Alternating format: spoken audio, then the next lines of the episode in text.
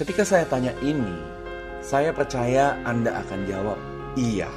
Mau lebih sukses, mau lebih bahagia, mau lebih kaya, mau lebih dekat dengan keluarga Anda, mau memiliki bisnis internasional. Saya rasa Anda akan jawab iya.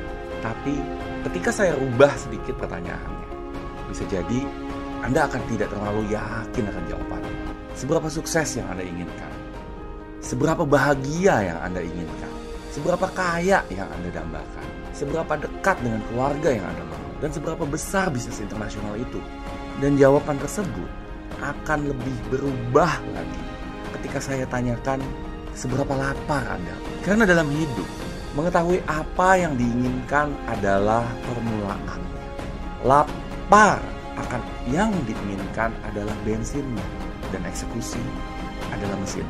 Banyak orang menginginkan sesuatu hanya karena ingin, karena merasa hal itu baik, karena ada orang lain di luar sana yang mengatakan bahwa itu bagus untuk Anda dan selalu dalam bayang-bayang kebandingan.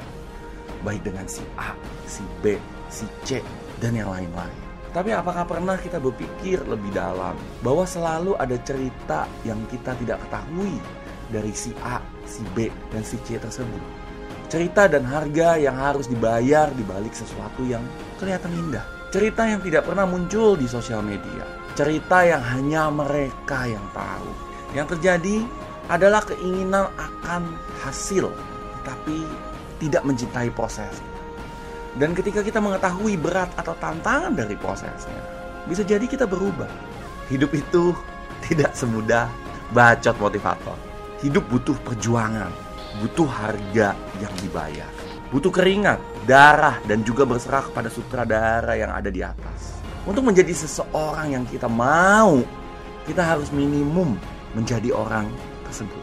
Berpikir seperti dia, bertindak seperti dia, memiliki mentalitas seperti dia, dan juga action lebih dari dia. Bertransformasi, berubah, keluarlah dari kepompong hidup Anda, dan jadilah kupu-kupu yang terindah. Dan daripada kita mengharapkan keajaiban untuk muncul, jadilah keajaiban. Saya Coach Yudi Chandra, salam miliar.